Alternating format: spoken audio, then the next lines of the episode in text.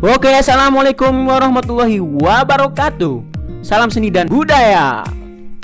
Kembali lagi di GSBK Podcast Ramadan, cinta sastra dan senjata, ngabuburit sambil minum nutrisi. Tentunya masih bersama saya Ilham yang akan mengudara bersama teman-teman semua. Semoga teman-teman masih dalam lindungan Allah Subhanahu wa taala. Amin ya robbal alamin. Nah, teman-teman, kemarin aku udah ngobrol sama salah satu alumni GSBK dan beliau juga adalah penulis buku di sudut senja.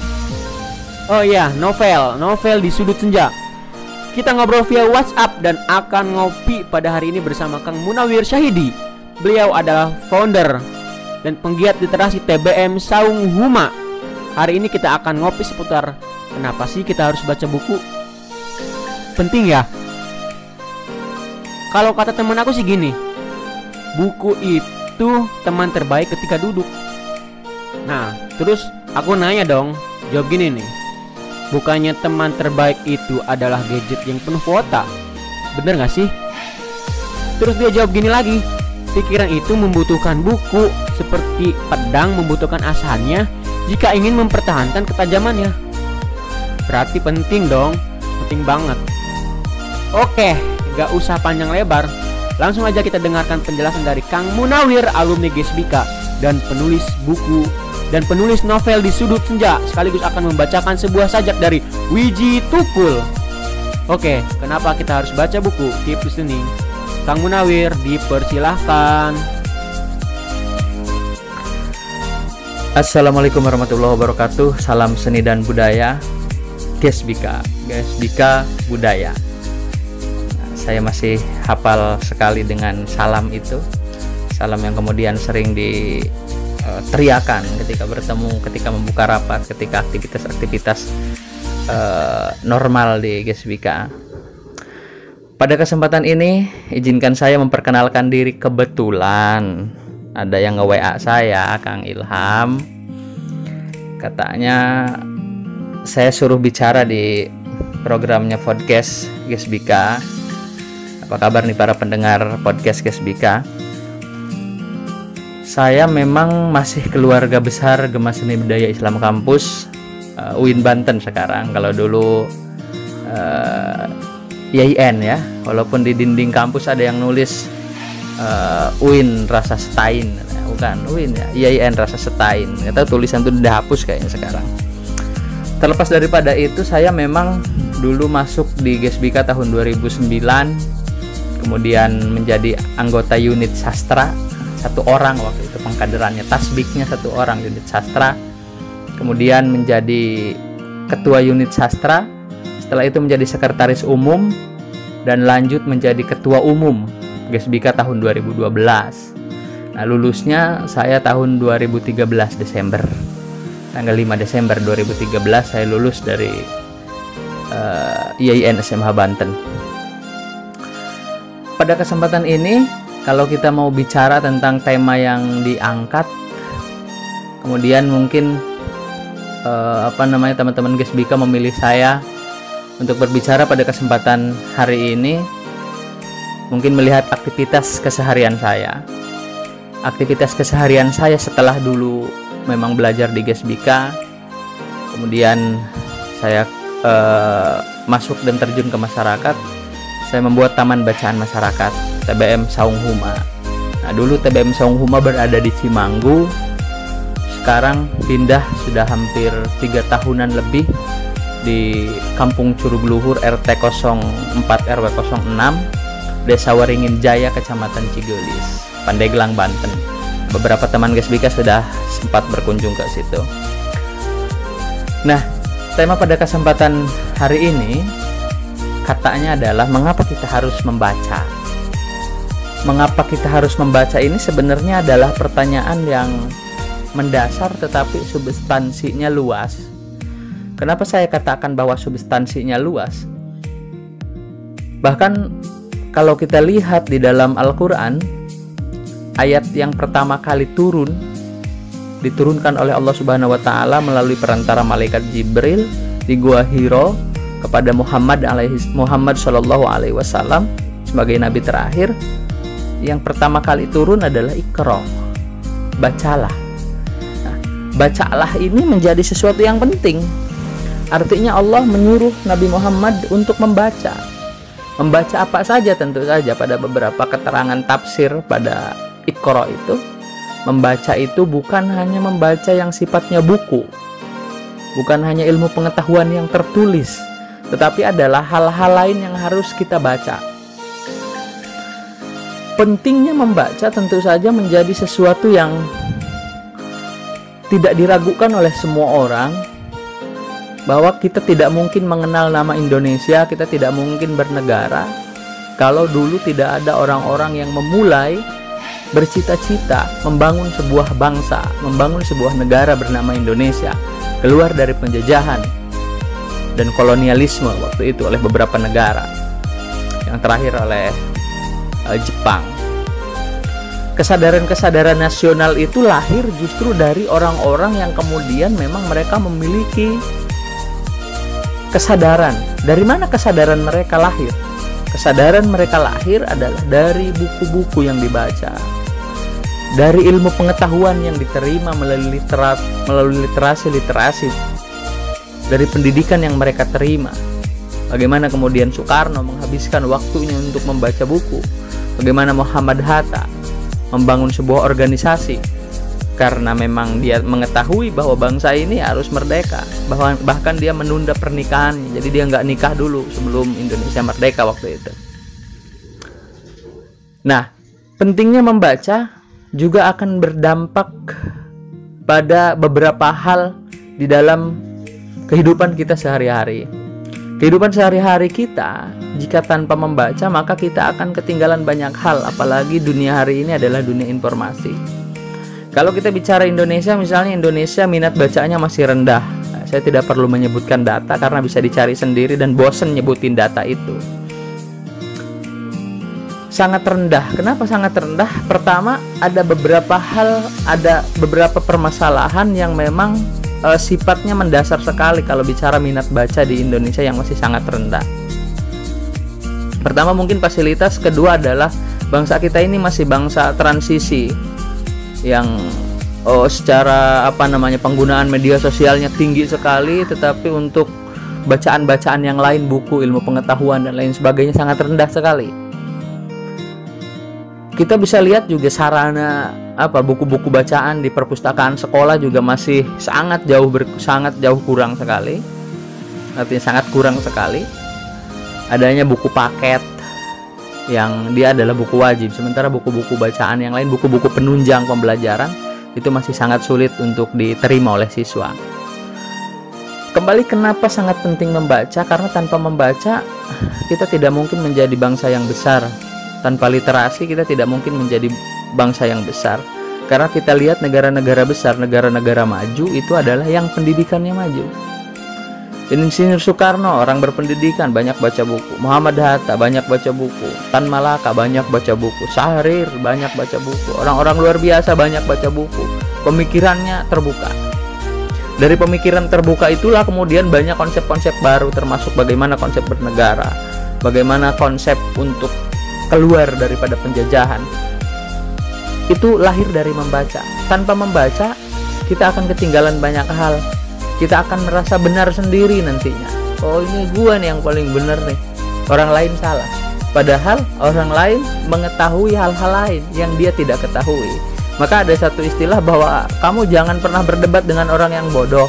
Kenapa? Karena dia hanya mengetahui kebodohannya saja. Artinya ngeyel sekali. Kalau orang bodoh itu biasanya ngeyel. Kenapa ngeyel? Karena dia tidak mau menerima kebenaran-kebenaran yang lain. Hanya punya satu kebenaran. Dan kebenaran itu terbatas untuk beberapa hal gitu ya. Untuk beberapa tidak semua hal. Maka kemudian membaca menjadi penting apalagi kaum intelektual yang akan menjadi kaum intelektual uh, mahasiswa gitu. Mahasiswa penting untuk membaca. Kenapa? Karena ya mahasiswa tugasnya memang membaca. Dia kaum akademisi kok. Yang posisinya kalau di dunia pergerakan di tengah. Artinya merangkul ke bawah kemudian meninju ke atas. Nah meninjunya bagaimana? Jangan nanti salah tinju karena nggak membaca. Salah rangkul karena juga nggak membaca. Tidak memahami kondisi-kondisi dan gejala yang terjadi di masyarakatnya maka membaca menjadi sangat penting. Tanpa membaca, kita akan terus semakin mundur. Orang-orang sudah menemukan ini, meneliti ini, kemudian uh, melakukan banyak hal. Kita sebagai negara berkembang yang sekarang menjadi negara maju karena dicoret dari daftar negara berkembang oleh Amerika Serikat. Tetap saja sebenarnya ya tidak terpengaruh oleh enam literasi dasar yang harus dikuasai oleh negara berkembang itu. Kita literasi baca tulis saja misalnya, yang literasi dasar sekali membaca dan menulis. Bukan orang yang kemudian tidak bisa membaca, bukan. Tapi orang-orang kita itu cenderung lebih percaya pada bacaan. Misalnya kalau ada berita-berita hoax, berita yang dibuat sedemikian rupa padahal tidak ada, bohong maksudnya hoax, itu orang akan lebih percaya, percaya. Kayak misalnya uh, bahwa apa tuh namanya, nauzubillah min dalik misalnya ada akan ada bencana besar tanggal sekian, diputarnya di YouTube. Orang kampung sampai ribut. Kenapa? Karena ya pengetahuannya baru pada sampai pada tahapan itu. Tidak membaca referensi-referensi yang lain. Kalau ada berita bohong langsung percaya. Kenapa langsung percaya? Eh, di HP adanya di Google. Menganggap Google kebenarannya luar biasa gitu. Soheh banget. Padahal nggak begitu. Nah yang dimaksud literasi baca tulis adalah bagaimana pemahaman membacanya bukan hanya pada baru bisa membaca, tetapi memahami memahami bacaan, kemudian mengkonversikannya, membandingkannya, menganalisisnya kebenaran yang ditulis atau yang dia baca itu. Baru itu yang disebut dengan kemudian e, bagaimana dia membaca. Nah, artinya kepentingan membaca akan berefek banyak pada kehidupan sosial kita. Kenapa kita harus membaca? Karena kalau kehidupan sosial kita diisi oleh orang-orang yang hanya baru bisa baca, percaya pada berita-berita bohong, percaya hanya pada satu referensi, tidak mencari referensi-referensi yang lain. Nah, itu biasanya akan terjadi disintegrasi, akan terjadi perpecahan. Kenapa? Karena ya tadi itu kalau debat sama orang yang hanya punya satu kebenaran susah. Padahal kebenaran-kebenaran itu masih memiliki kemungkinan-kemungkinan yang lain kalau kita baca referensi-referensi yang lain. Begitu Kakang Teteh. Jadi membaca itu menjadi penting. Di main musik harus bisa baca not balok gitu. Kemudian membaca nada ini setelah ini gimana? Uh, feeling feeling apa nada juga sama itu membaca sebenarnya kepekaan kepekaan itu juga menjadi penting karena membaca itu juga melahirkan kepekaan peka pada situasi yang terjadi itu yang diingin apa namanya yang dilakukan oleh Rasulullah bagaimana membaca kaum Arab jahiliyah waktu itu agar Islam dapat berkembang luar biasa maka kata Allah ikra bismi rabbikal dengan menyebut nama Tuhanmu yang menciptakan. Nah pada perkembangannya hari ini apalagi misalnya kalau musim politik banyak sekali kita disuguhkan oleh berita-berita palsu berita-berita hoax yang diyakini atau tidak terjadi apa namanya terjadi gesekan di bawah. Kenapa? Karena memang kita baru bisa baca belum bisa apa namanya belum uh, belum literat baru bisa baca tahu huruf bisa baca kemudian masuk ke pikiran kita dan kita anggap itu benar gitu. Padahal kita sedang dipermainkan oleh siapa? Oleh orang-orang yang kemudian memang punya kepentingan terhadap itu. Jadi membaca menjadi penting bagi kita. Karena dari membaca nanti banyak hal-hal yang bisa lahir.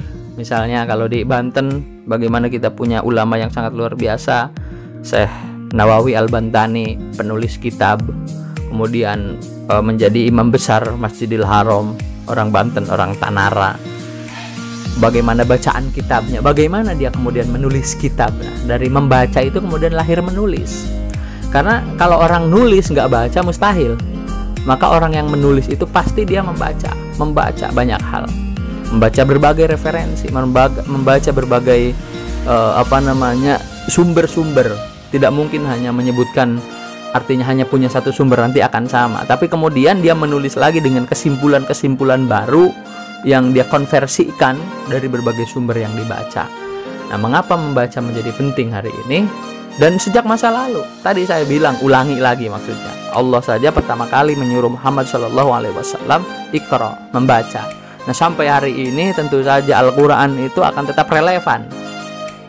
Baca di bulan di apa namanya turunnya Al-Quran pada bulan Ramadan. Nah, sekarang bulan Ramadan Nah, apakah kemudian kita juga membiasakan membaca? Bahkan misalnya tadarus kalau kita dengar keterangannya apa namanya apa Profesor Kurai Shihab tadarus itu adalah memahami bukan kemudian menamatkan Al-Qur'an ya. Syukur-syukur hatam dan paham tentang Al-Qur'an. Kita jarang sekali bahkan membaca misalnya oh, tafsir Al-Qur'an, jarang membaca terjemahan murni Al-Qur'an artinya yang terjemahan langsung gitu tanpa tafsir Nah, kalau tadarus itu artinya adalah memahami kitab suci. Kalau di lagu juga adalah ada lagunya ya. Tadarus artinya memahami kitab suci. Memahami.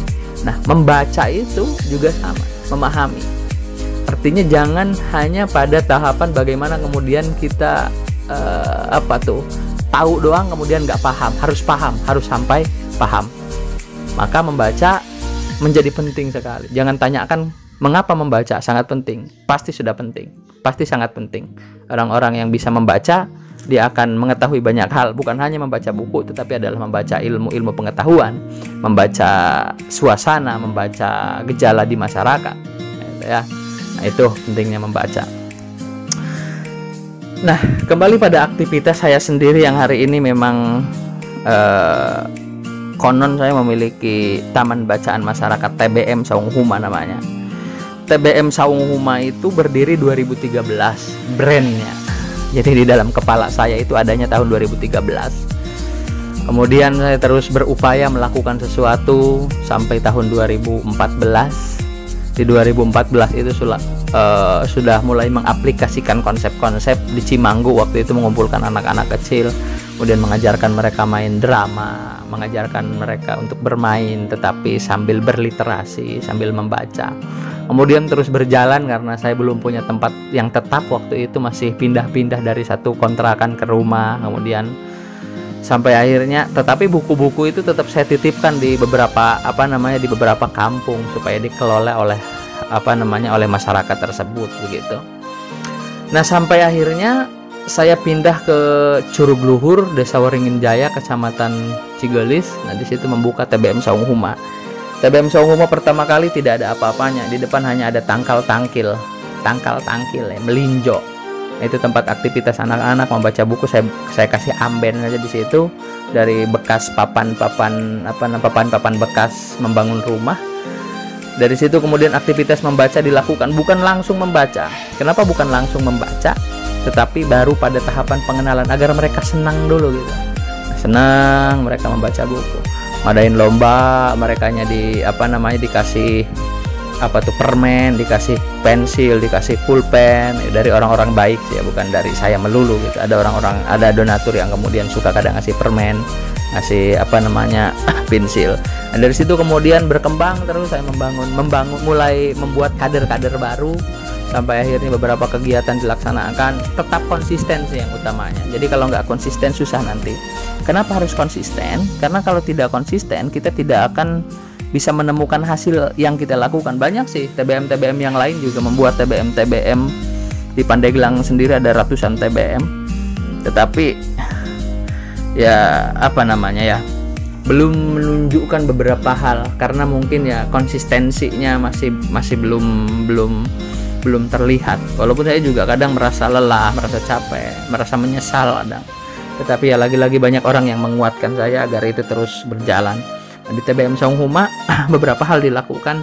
Kita terus berupaya walaupun susah payah. Untuk apa tadi? Untuk nantinya intinya adalah pengembangan sumber daya manusia melalui jalan literasi. Yang utama adalah membaca. Jadi mendekatkan anak-anak pada bacaan mendekatkan anak-anak pada membaca buku gitu. Alhamdulillah sekarang bukunya sudah disimpan di luar. Mereka sudah bisa beresin buku sudah bisa ngambil buku sendiri kemudian membaca membacanya menyimpannya kembali. Nah itu itu berapa tahun? Bukan satu tahun dua tahun itu bertahun-tahun agar itu bisa dilakukan. Karena sebelum itu dilakukan buku tetap saya simpan di dalam rumah. Sekarang buku sudah saya simpan di luar. Kenapa saya simpan di luar?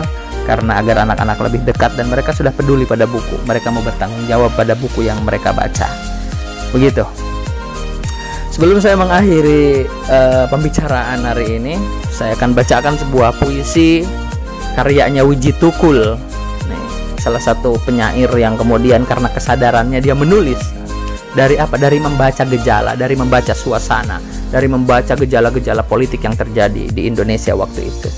Sampai kemudian dia konon hilang, tidak ditemukan karena sangat apa itu namanya? sangat keras sekali kepada pemerintahan ya waktu itu. Walau alam. Sebuah puisi Wiji Tukul. Di bawah selimut kedamaian palsu. Apa gunanya ilmu? kalau hanya untuk mengibuli? Apa guna baca buku kalau mulut kau bungkam melulu? Di mana-mana moncong senjata berdiri gagah, kong kali kong dengan kaum cukong. Di desa-desa, rakyat dipaksa menjual tanah. Tapi, tapi, tapi, tapi, dengan harga murah. Apa guna baca buku kalau mulut kau bungkam melulu?